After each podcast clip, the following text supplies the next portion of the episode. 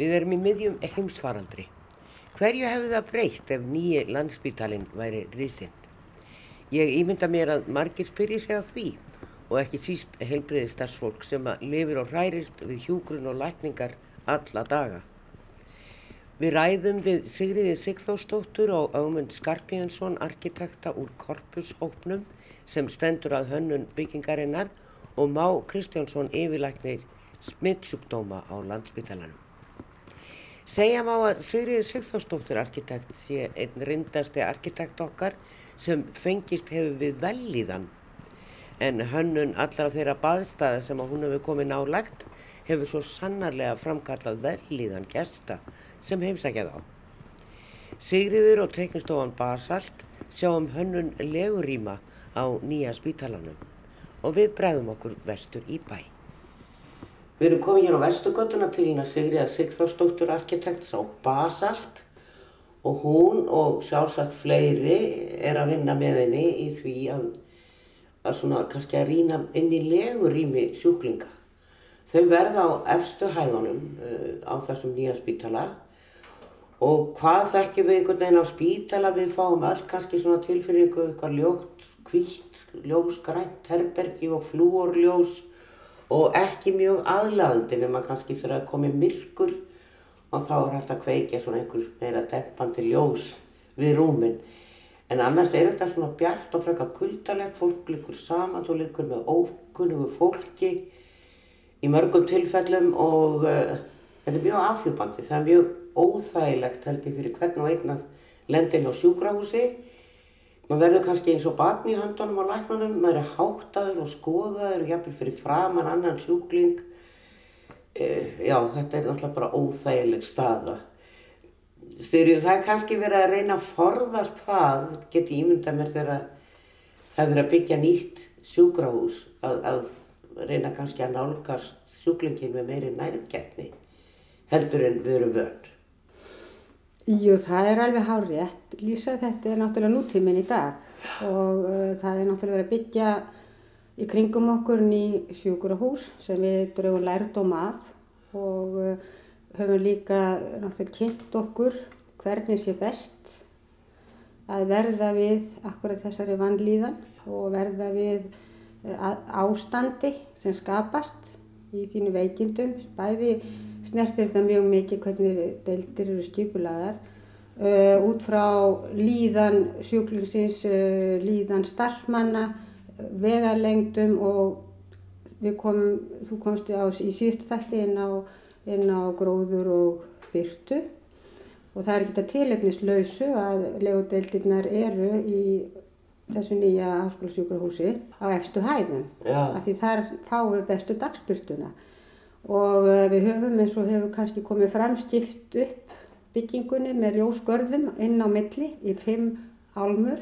En á efri efstu hæðunum, legudildunum, eru bara fjórar.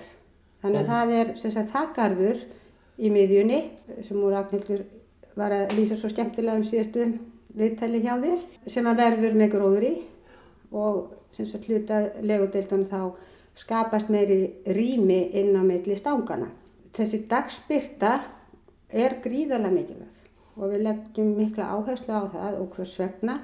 Jú, vegna þess að bæði það að fá dagspyrtuna hefur bein áhrif á líðan sjúklings og um hún er góð og ef er vel stýrðar síðan ramaslýsingar og fleira þá lækkar það allt upp í um 30% dvölðinni inn á legudeldum hvernig húsin snúa móti sólu og svo aftur hvernig þau eru í viðmóti innan dýra og þess vegna eins og líka stór liður í þessu er að fólk sjáu út.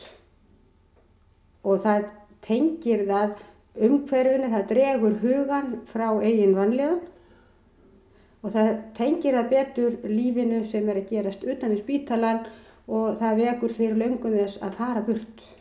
Já. og sálarþátturinn er svo stór hluti í að, að vera í græðandi umhverfi að bæta þína heilsu. Það er bara staðrænt og viðkjönd staðrænt. Eins og ég var að tala um hér í uppafi að það er þetta kannski að þú liggur með einhverjum öðrum inn á stofu og hér áður fyrir voru nú kannski alveg upp í 5 og 6 og ég held að það sé nú ennþá eins og til dæmis um að borgarspítala þeir var alveg svona stóra stofur þar sem að eru kannski 5 sjúklingar inn í einni stofu. Hvernig, hvernig er þetta að hugsa þarna? Já, þetta verður alveg bylting. Já. Hvað þetta varðar, í hverri stöng er gert ráð fyrir eins og þremur einingum. Það er að segja 24 einstaklingsherbyggjum með enga baði.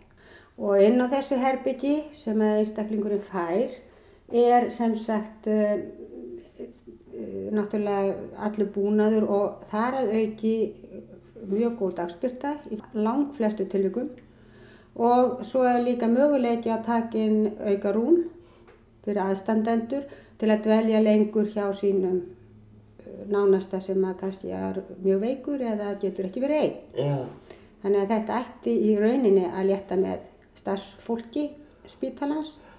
Nú það er mjög mikilvægt líka að þetta er mjög stórt hús og langar vegalengdir. Þannig að það er mjög mikilvægt hvernig einingarnar eru sjálfbærar í eðli sínu. Það er að segja fyrir hver átta herbyggi, átta sjúklinga, þar er eitt teimi sem hefur alla sína aðstöðu meir og minna innan einingarinnar til að tryggja að fólkið og starfsfólkið sé ekki undir allt og miklu álægi í vegalengdum að hlaupa út og suður. Þannig að skipulag, innra skipulag og ratleiðir innan spítalans eru gríðarlega mikilvægar. Það eru tveir ásar, við kallum það norður ás en líkur nær hringbrautinni og gamla spítalanum sem er aðal umferðar æð spítalans, lárétt, breyður, góður gangur með öllum liftu kjörnu tengdum og síðan er Suður ás sem er meira starfsfólks og fyrir starfandi lekna og uh, allt hjúkuna fólk til umferðar. Og það eru líka lyftukjarnar uppur og niður og fyrir fara með sjúklinga líka. Nú, þessir ásar síðan opna sig í gardana, inngarðana eða út á götu og þar verður auðvelt fyrir fólk að rata um spítalinn fyrir gesti til dæmis og ef við segjum það nú þarfst þú að rata upp á 50 og 70 hæð sem gest aðkomandi því að ég held að í leigudeldunum séu lang flestir að koma og fara sem ekki þekkja innviði spítalans og veit ekki nákvæmlega er ekki sko að heimsækja eitthvað og þurfa að finna hvað hann er og annað. Og þá á leiðin að vera mjög auðveld. Og þetta skiptir í gríðalegu máli fyrir velíðan líka gesta sem er að koma í heimsókn. Því fólk er auðvitað líka í mjög mismunandi sálarlegu ástandi þegar það er komið að heimsækja sína aðstandendur sem að liggja inni. Ég hef heilt líka að, að, að stofurnar, sem sagt legustofurnar, að þær eru bara öðru megin á ganginum. Nú erum við vönd því að þær eru báðu megin á gangunum, uh, eitthvað hef ég heilt um þetta, þær eru bara öðru megin og þá hvers vegna? Húsið er náttúrulega sko mjög breytt. Það er yfir, yfir uh, 20 metra breytt, hver stöng og vinnu kjarnin sem slíkur fyrir hverja einingu á deild er í miðjunni til einmitt að stytta vegalengdir fyrir starfsfólkið. Á meðan legudeildirna liggja allar að útvegg með hérna gluggum þá og opnalegu gluggum því að það er hluti af einmitt okkar íslensku hugmynd um að tengjast umhverfinu og náttúrunni að geta opna glugga. Þó að teknilega sé það engin þarf á því náttúrulega. En svo er það líka náttúrulega sumir hlutar, hlutir sjúkrásins eru þannig bara með reynu lofti að það má ekki. Skurðstóru og fleiri. Já, já, já, það er það, það er skiljulegt. En þetta er til að auka veljan fólks, bæði starfsfólks og sjúklinga. Og síðan er náttúrulega rými eins og setustofur og kaffistofur og svona kvildarými fyrir starfsfólkið innan deildar. Það likur við útvökk líka. Þannig er skipulegð.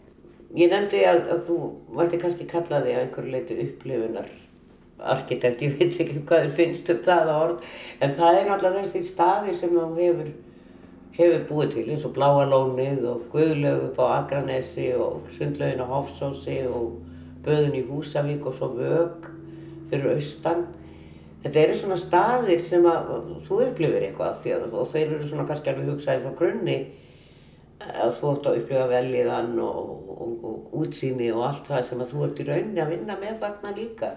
Nýt, þið nýtist þetta þá hvað þessi vinna við, þessi böð við að koma og hanna þessi rými fyrir sjúklinga inn á spítalanum.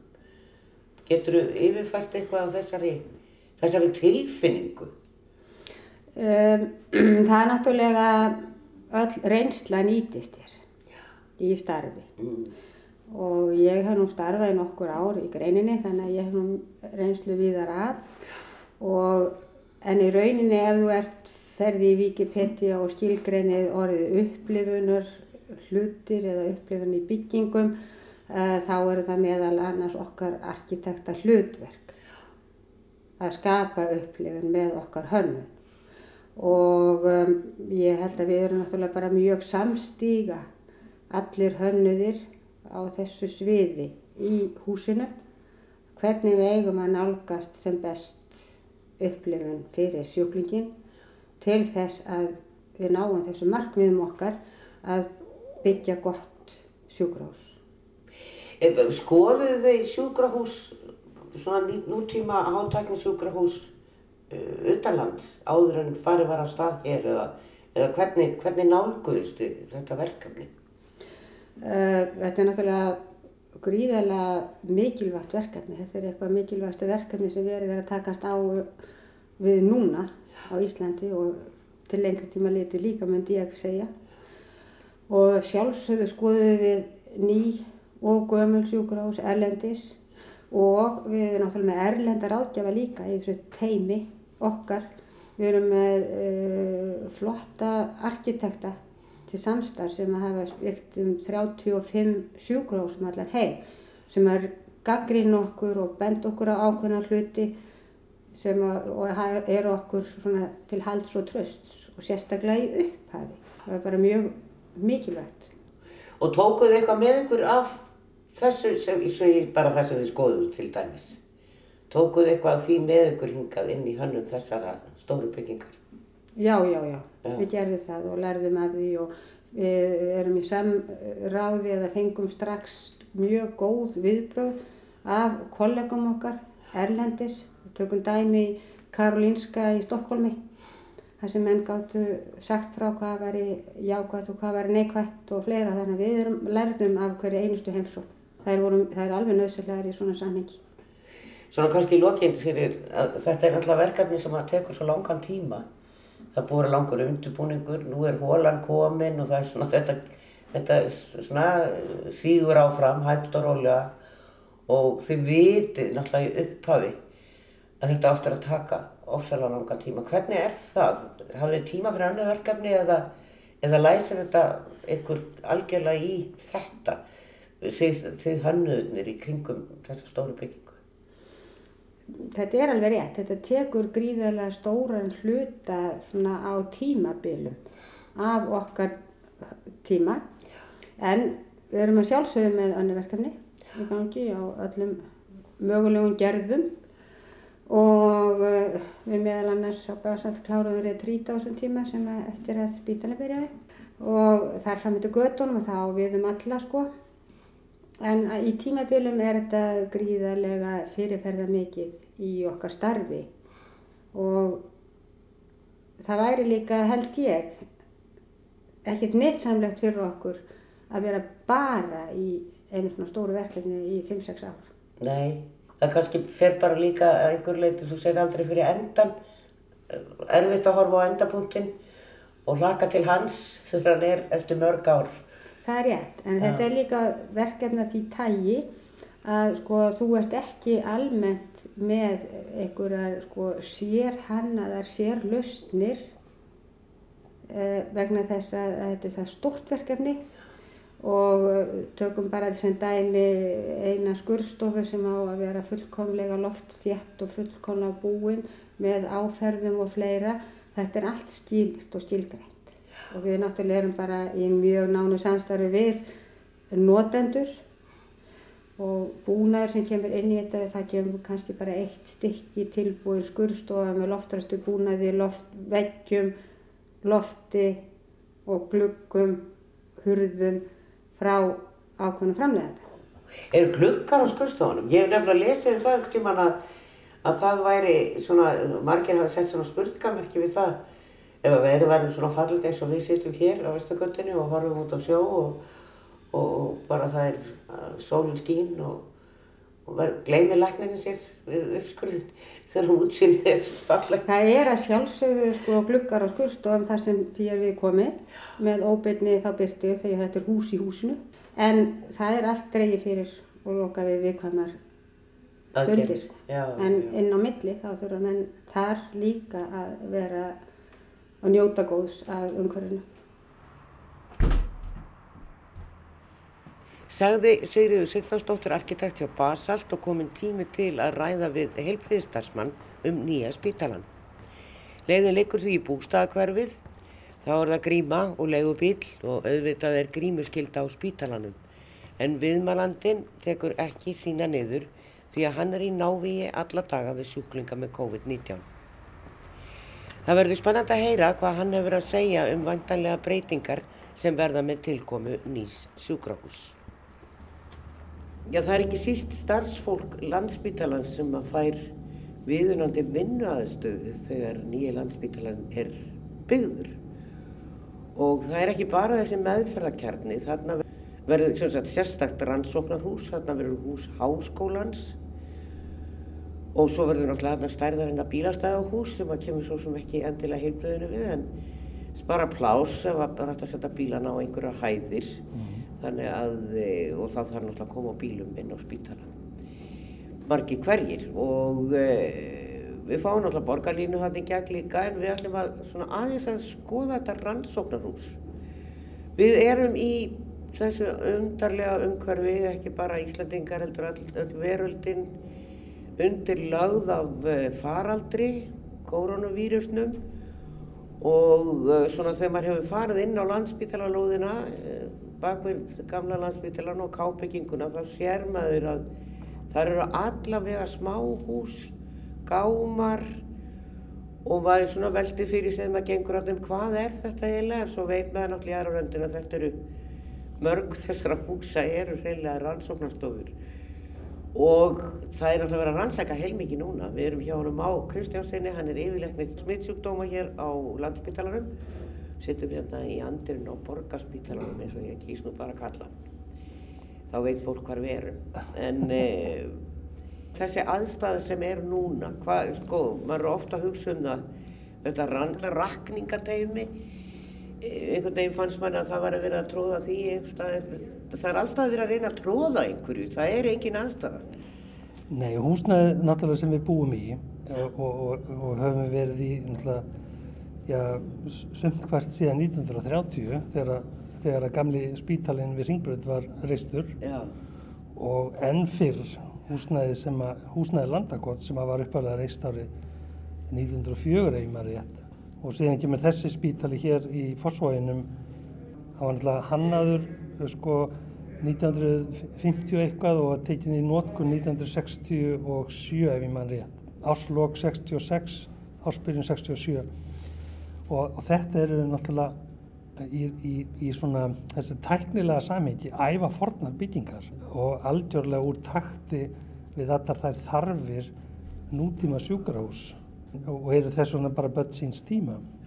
Síðan e- eins og málum hefur, mál hafa þróast að þá hefur um, eðli spítalastarf sem er breyst mjög mikið og rannsóknum og rannsóknar getu hefur fleikt fram. Og þess vegna uh, hluti sem að menn sá ekkit fyrir hérna við, við hönnun og byggingu þessara stofnana gera það að verkum að, að, að nú hefur þurft að tróða hlutum hér og þar. Sumstaðar hefur þurft að byggja, eða hefur, hefur spítalinn þurft að færa út kvíarnar. Og mjög gott dæmi um það er til dæmis uh, bygging síkladeildarinnar uh, sem er á ringbröðalóðinni sem var byggt upphaflega sem tímabundi úræði 1974 já, þar til að nýbygging væri komin í gagnið og ég held að þá hafi með verið að horfa kannski svolítið til kábyggingarinnar sem þá var byggð. Nú annað gott dæmi um, útvistun húsnæðis er náttúrulega e, tilkoma veirudeildarinnar sem var sett af laggirnar inn í ármúla e, þar sem var áður reygin hérna vörumarkaðurinn sín tíma og, og allt er þetta dæmi um svona lausnir af því að húsnæði spítalans gæti ekki sint þörfum tímans. Nei. Þannig að það eru rannsóknarstofur og allavega starfsemi hinga og þangaðum bæinn. Já, það er... Er það ennþá svolítið? Það er ekkert búið að finna, er þetta jafn slæmt og var þarna 70-80? Nei, ég myndi um að segja það að, að, að mörguleiti hefur hlutunum verið komið í svona skikkanlegt horf. Náttúrulega var síkladeildin þarna sem er kent við Barónstíginn, hún var eiginlega endurbyggð núna undanförnum eh, einu til tveimur árum og er núna við mjög góða aðstöðu uh, í, í nýjuppgerðu húsnæði, ný, nýjuppgerðu bráðbyrðu húsnæði Já. og uh, veirudeildin uh, húsnæði ármála 1A er náttúrulega laskað af, af sko, skorti á, á endurníun og, og, og viðhaldi undangengin ára en undarfarna mánuði einfallega vegna COVID Já. þá hefur þurft að, að, að gera þar breytingar og bragabóta á með tætjakaupum og, og breytingu húsnæði til þess að taka á móti nýjum tækjum. Þannig að þar er aðstæða núna að verða mjög góð en það skila þau mjög góður í vinnu. Nú meinafræðin uh, var í gamla húsnæðin, húsnæðin við Barónstík sem var rannsóðstöð meinafræði frá tímum Níelsa Dungal og kannski fyrr. Og hérna þau hafa núna sagt, síðan að blóðbóngin fluttis yfir á Snorrabrautina í húsnæði þarna þar sem að skátarnir voru ef maður rétt að þá, þá fluttist sumt af rannsóknar þörfum þeirra var mætt með, með sagt, gamla blóðbónga gamlu blóðbóngabyggingunni. Síðan hafa náttúrulega verið sko, veiga mikla breytingar á, á sko, blóð og, og, ef, og meina efnafræði rannsóknum bæði hér í, í Fossvæginum og líka yfir á, á ringbröðinni þar sem að kábyggingin sem er, er nú að mestu rannsóknarhús og heldur kannski bara öllu leiti rannsóknarhús með línurhraðlinum í kjallaranum og, og síðan rannsóknarstofum á annar og þriðju hæðinni og þar er uh, risastór framlegslu lína fyrir uh, blóðrannsóknar og, og, og vögvarannsóknir og svo eru önnur svona rannsóknarlína hér í kjallanum á borgarspítalunum. Það eru heilmæklar aðgerðir hérna úti, gröfur og læti, það hefur verið að laga hérna í kringum aðalingangin á borgarspítalanum. Ég ætla að vona að tröfla ekki mikið en þeir eru svo sem venn því góður lustendur að það sé einhverju umhverfisljóð á flakkinu. En hvað komum við til með að sjá? Þetta rannsóknarhús, þá eftir að breyta mjög miklu, ekki sagt? Ég held að, að sko, uh, það er þetta lítið að sem við gjör byltingu.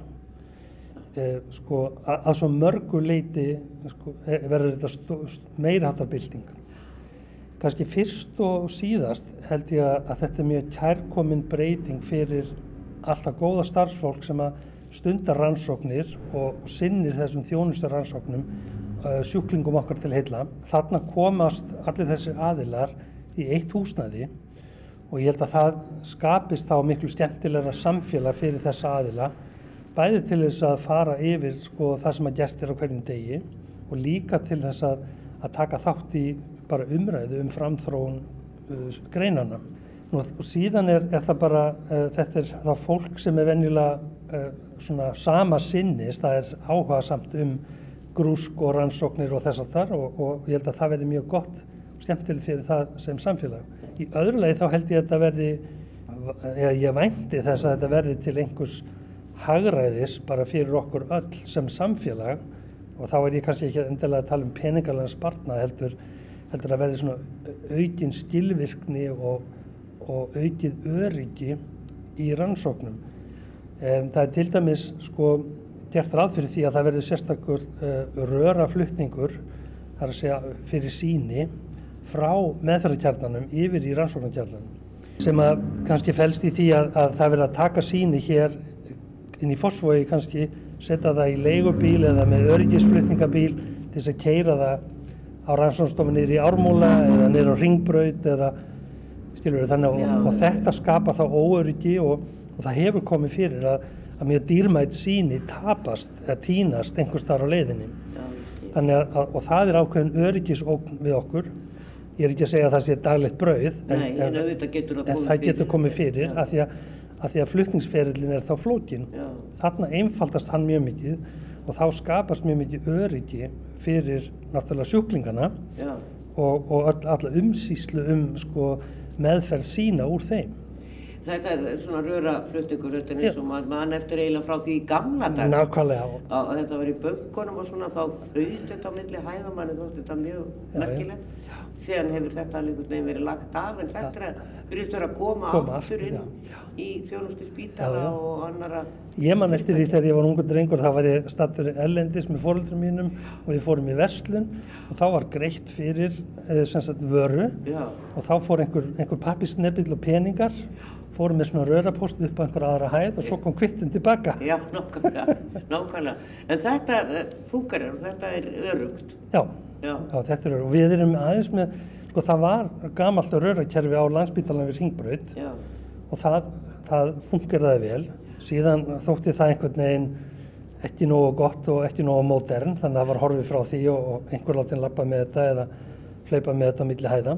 Eh, en fyrir nokkrum árum eh, síðan þá var þetta tekið upp á ný upp á, upp á hérna, bráðamáttökun hér í Fossvogi að það var settur upp svona haldjörður, eða ekki haldjörður, bara haldjörður röðrapostur sem að tengir sko sínin frá bráðamáttökunni og niður á rannsóknstofunni hér í kjallananum og, og, það, og þetta flýtti mjög mikið fyrir, sko, fyrir svartíma sínana af því að það var þá engin byð í rauninni í flutningi Nei, og hittur einhvern á leiðinu og fyrir að að og allavega eins og fólk er.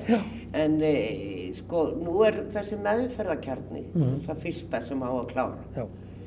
Eh, Síðan þetta rannsóknarhús, Mhm. er það ekki rétt hjá mig? Hvað, hvað erum við að tala um langan tíma sem að eh, þetta fólk sem að vinnur við þetta sem er fjöldi manns e, þarf að býða eftir því að komast í viðunanda aðstöðu?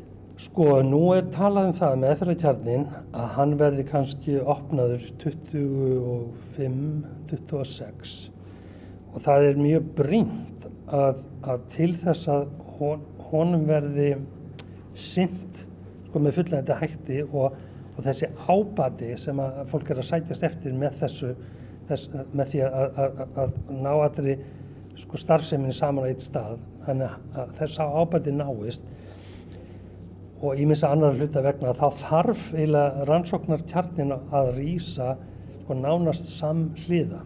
Auðvitað er hann sko, einfaldari húsnæði í, í sjálfu sér að hanna. Eh, Ég er ekki að gera lítið úr flækjastíginu en, en það er, það, þetta er ekki sjúklingarými, þetta eru starfsmannarými og rannsóknarými og auðvitað með því flækjastígi sem að því fylgir. En hönnunin ætti ekki að vera eins flókin og ætti ekki að taka uh, sama tíma. Þannig að vonin uh, stendur til að uh, þarna verði hægt að, að, að láta þetta opna á sama tíma. Það, það er svona óska staðan. Hvort að það síðan gengur eftir er, verður bara tíminu leiði ljós.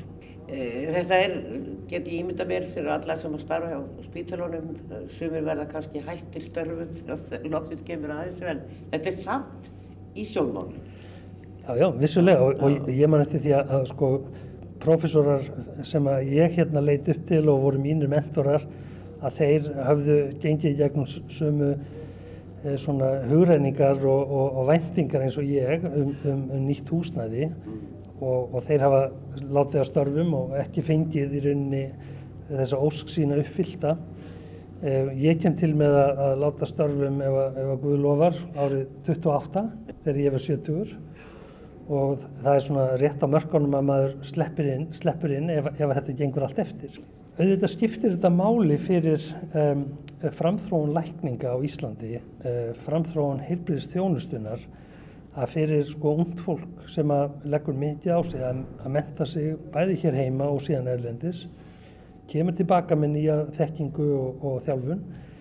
Við sem samfélag, við verðum að standa svona nokkurn veginn jafnfætis e- eða svona vera kannski, hvað ég var að segja, í sömu deild og gerist erlendis eh, hvað varðar eh, aðstöðu til rannsókna að sinna sjúklingum og svo framvís. Við þurfum að vera, hvað ég var að segja, svona contemporary Já, já, já, við þurfum bara að vera nútímalega við hefum ekki draga allt á bíð og bíða þangar nei. til að allt er komið á efni.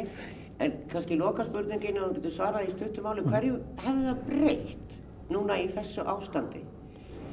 Að vera komin með, eh, ég veit að göngudeldin er hér fyrir ofan á gömlu barnaheimili.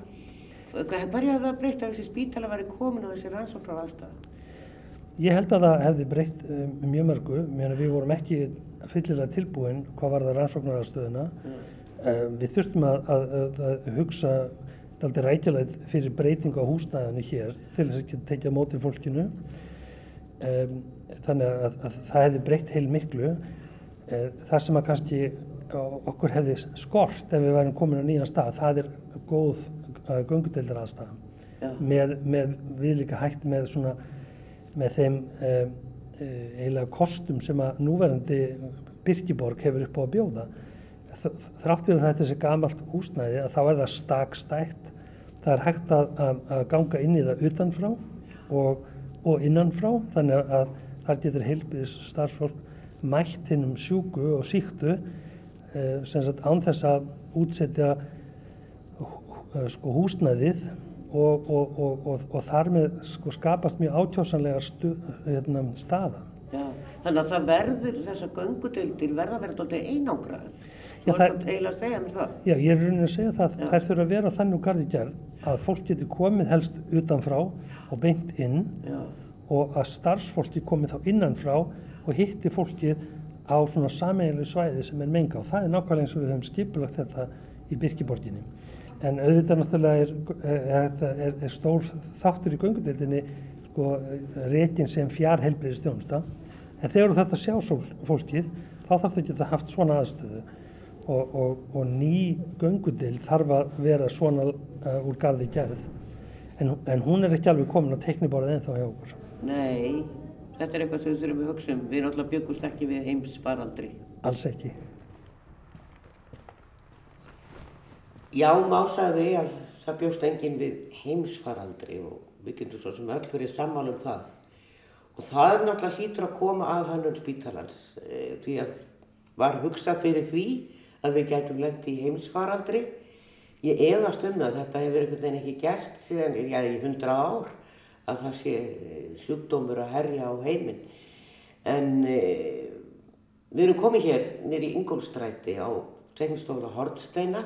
Þar er Ögmundur Skarpíðinsson arkitekt og eh, er einn af korpushópnum og er sem sagt við ætlum að ræða þessum útlit og svo svona hvernig er að hugsa fyrir því að finna öll vandamálin á þegar að vera að byggja svona stórt sjúkrahús eins og til dæmis bara heimsfaraldri. Eh, Kom þetta nokk tíma til tals fyrir, fyrir þreymur árum þegar þau eru að setjast yfir þetta?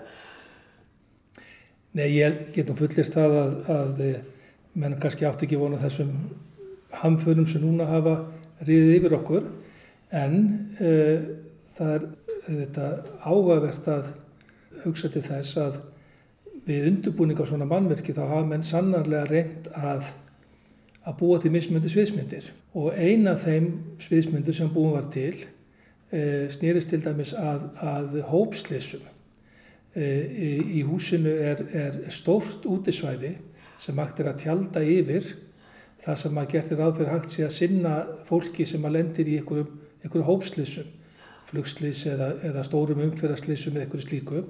Þannig að, að menn voru sannarlega að velta því fyrir sér hvernig var hægt að bregða við, við slíkum aðstæðum.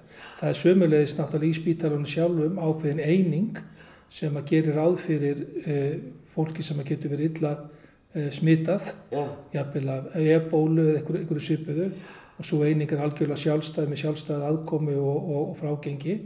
Ég held að, að eh, umfangið á þessum faraldri hafi nú verið, eh, menna sannlega ekki, ekki átt von á slíku. Og þá skiptir öllu máli til að bara svara spurningunni, getur byggingin einhvern hátt bröðust við slíku?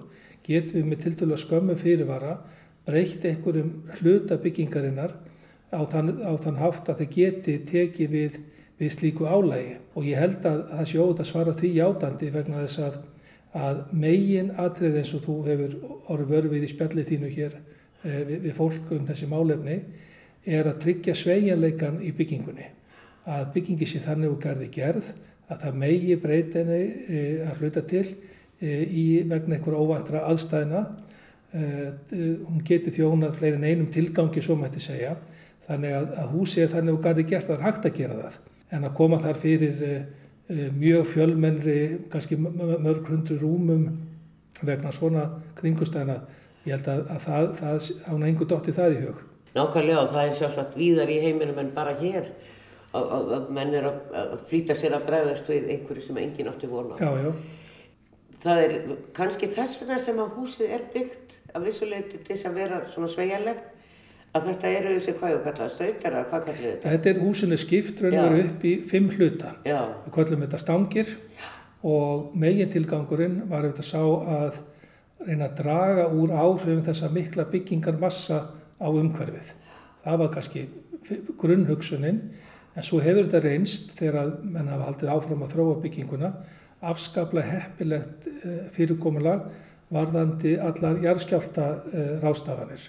Þannig að við erum raunverulega að byggja fimm hús í staðan fyrir eitt stórt og svo tengjum við þessi fimm hús saman já, og þannig, þannig tekst okkur að dreifa þessu álægi sem að, og áraun sem að byggingi verður fyrir til dæmis ef að kemur, kemur einhver, einhver stór skjálti eins og við kynntumst nú hér fyrir örfá dögum síðan sem var nú bara mjög lítill skjálti með við það hvað, hvað þessi byggingur hönnu fyrir. Já, en, en þetta fyrirkomulega gerir líka kleift og það komur nú aftur að þessu var- varandi heimsfaraldurinn en það gerir okkur líka kleift það að, að, að ef einhver hluti spítalans síkist eða, eða kemur, kemur þar upp eitthvað smitt þá er mjög auð, miklu auðveldar að, að, að halda utanum það ef byggingunni skipt upp í, upp í fleiri einingar. já, já, Þannig að, að þannig að svo ráðstöfun að, að gera þetta með þessum hætti, hún hefur held ég að vera mjög skinsamleg. Sko er, er, ég veit ekki, er einhver einn eða er það hægt? Þetta er alltaf stór hópur sem kemur að þessu. Fyrir utan einhver í korpushópnum, þá er þetta náttúrulega bara, það er, er framkvæmdavaldið og það er, er stjórn spítalans, það er bara svo ótrúlegu fjöldi. Ég get ímyndað mér að þetta sé um hundra manns eitthvað svona sem að sko eru minn augun á þessari framkvæmd. Er einhver einn sem að bara liggur yfir og, og, og er með og, og lúsles allt sem er gert og sér galla eða, eða, eða kemur þetta fram svona á leiðinni. Það er alveg rétt hjá þér að hópurinn sem að kemur að þessu verkefni er mjög stór Já, og hann er mjög margbreytilegur. Eh, Það er ekki bara hönnuðinir sem eru bæði innlendir og ellendir. Það er ekki bara þeir sem að reka verkefni frá degi til dags. Stærsti hópurinn og eh, er, er, er og sá sem að kannski hefur sem vegur einna þingst er að kemur að því að móta spítalan er, er fólki sem að kemur til með að starfa þar. Eh, Það er mjög stór hópur já, og, og í upphæðu versins þá var ákveðið að, að reyna að laða fram sjónarmið þessa mikilvæga hóps og fá hann til að taka þátt í, í hönnuninni.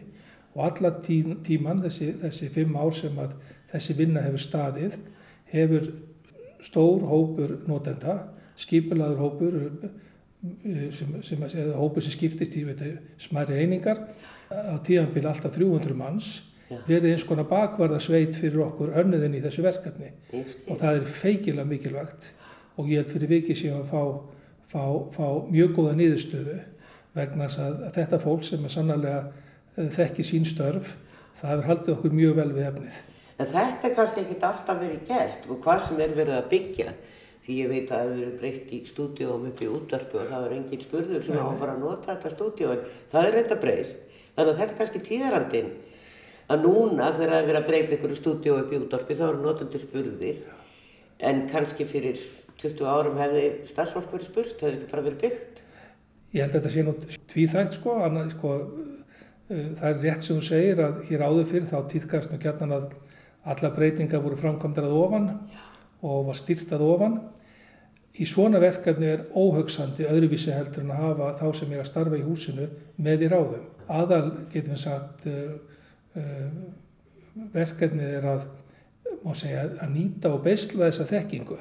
Þannig að hún, hún kom inn í verkefnið á réttum tíma þegar hennar er þörf og það gerist auðvitað í mismöndu áfangum. Var, þetta notenda samráð var, var mjög stert í upphæði versins, síðan hefur, það, síðan hefur þetta dreigið úr því eftir sem að hönnunahópurinn verður svona, má segja, næri betri tökum á viðfansefninu, við getum orðað bara þannig og reynsla fyrir að segja til sín. Síðan kemur notendahópurinn aftur inn á síðari stig og þegar við fara að, að undirbúa fluttninga inn í húsið og, og, og annað þess aftar. En grunn, í grunninn er samt fyrirkomulega þannig að, að, að þeir eru alltaf á vaktinni, svo mætti segja. Já. Við fylgjast mjög vel með uh, því sem við erum að gera. Við höfum reglulegt samráð, við upplýsum uh, alla líkil aðila um það hvernig hönnunin er að, er að þroskast. Þannig að, að, að þeir eru, þeir fylgja okkur alla leið, en svo mætti segja. Já. Hafa komið upp deilur á meðal notenda sem sagt, Innbyrðis. já, já, ég meina, fólk hefur svo ólíka skoðanir sem vilja hafa þetta svona og svo aðra hins eginn og fólk hefur ólíkt vinnulag og, og svona, en hefur fólk almennt verið sammála um hvað er verið að gera? Það hefur náðst mjög góð samstæða Já. um, um þá leið sem að hefur verið farin og hvað sem er um einstakar lausnir eða bara almenntu verkið. En, en sannarlega verður svo niðurstaða, er svo niðurstaða oft afleiðing af, af, af mjög skörpum skoðanaskiptum. Uh, en, uh, en á endanum þá verða með sammála það sem að, sem að þá leið sem að heppilegast er að fara Já, og, og þetta er náttúrulega bara eins og, eins og almennt gerist í verkefnum af þessu tægi. Þetta notenda samræði náttúrulega miklu, miklu meira heldur en í, heldur við eigum að venjast eh, sem hefur meira fást við, við hönnun og, og, og byggingar á, á, á, á Íslandi. Og þetta er miklu meira heldur en almennt gerist í löndunum í kringum okkur. já, Þar miðast notenda samræð fyrst og fremst bara við fyrsta hluta verkefnisins. En, eh, en við teljum það ótvíraða kost að hafa þetta aðgengi að, að fólkinu sem á að vinna í húsinu og fá að pröfa hugmyndir og leggja fyrir þau hugmyndir uh, og fá því lið með okkur við að, við að móta niðurstöðu. Þetta, þetta, er, þetta er tímafrekara og þetta kallar á mikið skipulag að, að þykja þessa, þessi ráð en ég tel það óhugsandi að við hefum komist í gegnum þetta öðruvísi heldur en að við hafa þetta fyrirkomulag. Sko, tölum aðeins um útlitið. Þetta er, hvað er þetta margir fermetrar? Er margir þúsund fermetrar? Já, húsið er, húsið er 70.000 fermetrar á stæð. Bara þetta hús? bara þetta hús og bara svona svo við höfum einhverja, einhver svona þægileg viðmið, uh, tökum einhverja byggingu sem að fólk þekkir, þá er þetta 14 sinnum uh, stærra heldur en háskólabyggingi gamla, svo dæmi, dæmi sér tekið. Já. En Már talaði um að, að, að rannsóknarhúsið, að því við vorum svolítið að ræða þá, hverju það myndi muna að það væri komið í dag í þessu ástandi sem við erum að lifa. Hann vil meina að það sé svolítið nöðsilegt að það rísi svona á mjög svipuðum tíma. já, það er, er áallunin Já. að, að, að það veri reist á sama tíma og meðferðarkjarnin. Já. Þannig að þessar tvær byggingar, En ekki eins flókið hús. allt öðruvísi hús. Já, uh, og mjög áhugavert og spennandi, mjög áhugaverð og spennandi bygging. Uh, þessi tvö hús meðferðarkjarnin sem við kvöllum stundum nýja landsbítalan, annars vegar og rannsóknarhúsið uh, sem er, er tölver minni bygging, eh, ekki nema 15.000 fermetrar eða svo, að þessar tvær byggingar verða auðvitað að spila saman.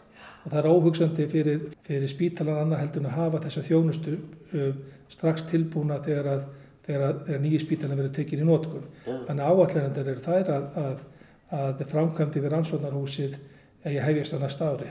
ég skil. En, en svo að því ég nefndi nú útlit að þá, þá erum við að tala um sko tvö, tvær stóra byggingar þarna. Plus hús háskólans, plus bílastæðahús. Hvað erum við að tala um bara í þúsundum fermetrar þegar allar þessar byggingar eru komnar? Ég man ekki alveg, alveg tölun að við erum að auðvitað, tala um eitthvað vel á annað hundra þúsund fermetra Já. þegar allt verður komið. En um, það segir kannski ekki allt saman. Þetta er, auðvitað, þetta er mikið byggingamagn og það gefur, það gefur auga leið.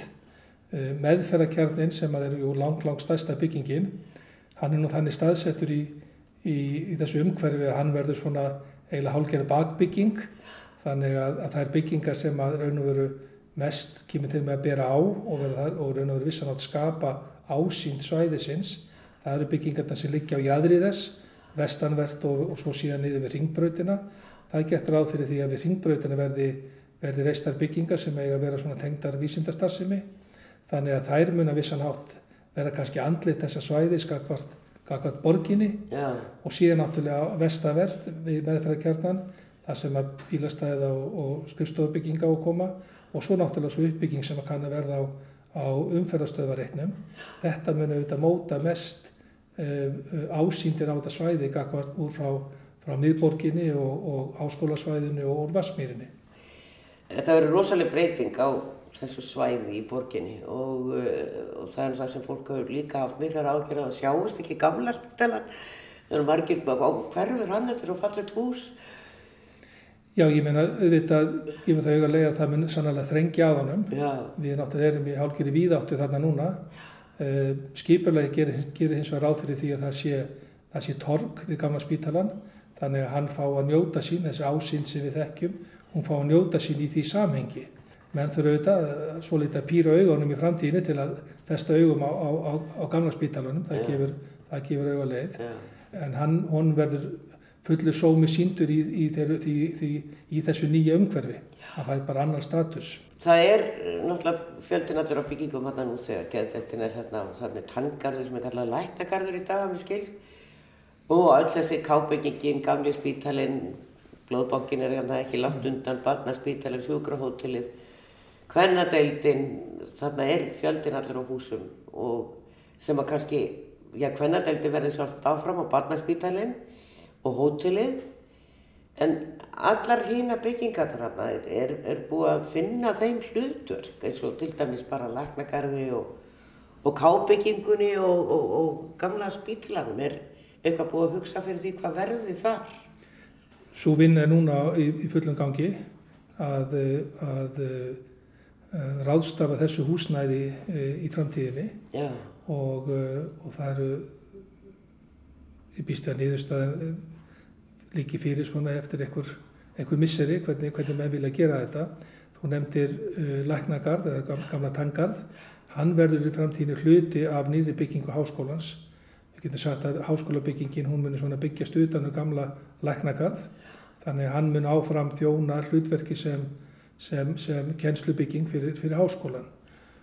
Hvernig deildir barnaspítalinn, þetta eru til dæla nýjar byggingar, barnaspítalinn þar að segja, eh, sem að munna starfa hann áfram og verða tengdar meðferðarkjarnanum með, með þessu tilviki með bæði með tengigöngu neðajarðar og svo síðan brú frá, frá hvernadeildinu og yfir í meðferðarkjarnan, beint yfir á skurðstofunar í, í meðferðarkjarnan, það er að tryggja sem skjótasta leið ef að þarf að koma sjúklingi á hvernadeildinu eða barnaspítalanum yfir á með, meðferðarkjarnan að það sé gert af eins hindrunarlausan hátt eins og kostur er. En það er eins og segir, þetta verður mikið, mikið verkefni að ráðstafa þessum, þessum byggingum í framtíðinni og mér segir nú svo hugur að það getur nú margt gerst á þeirri leið.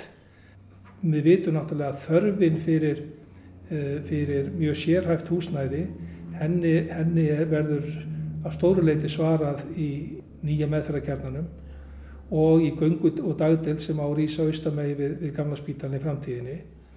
En þróunin sem við erum að verða vitna að í löndunum í kringum okkur er svo að eh, spítalar eru ekki að stækka.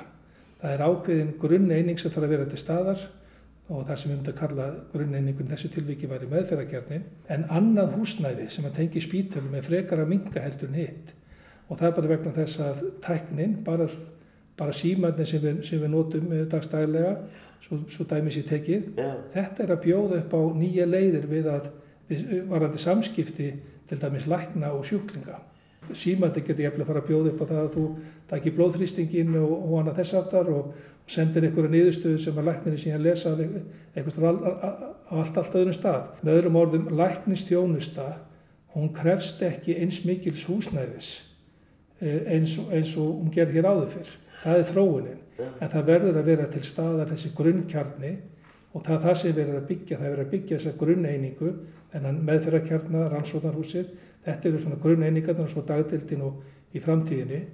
En mig grunnar að við kannski stöndum frammi fyrir þeirri spurningu eftir nokkur ár, hvernig munum við ráðstafa þessum, þessu byggingum til hugsanlega einhverjar, einhverjar annarar starfsemi heldur en hefðbutuna spítalastarfsemi.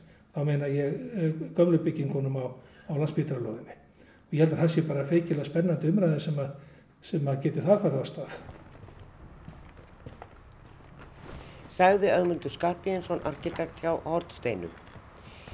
Já, það er auðvitað ímislegt sem á eftir að ræða varðandi nýjan spítala, en við látum staðanum í hér. Hvað sem fólki finnst um þetta byggingamagn í gömlu hverfi í Reykjavík, þá er eitt víst. að spítalinn verður til bóta fyrir starfsfólk og sjúklinga.